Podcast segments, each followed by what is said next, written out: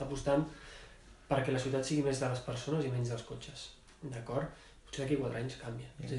Potser d'aquí quatre anys s'agafa i es canvia. Això és potser una de les grans problemàtiques que, que trobem. És a dir, hauríem de buscar un model de ciutat que més o menys l'hem trobat perquè és que el, la reducció de, de places d'aparcament, la millora d'espais pel, pel vianant, l'increment de, de carrils bici, això ho estem portant des de, com a barceloní, eh?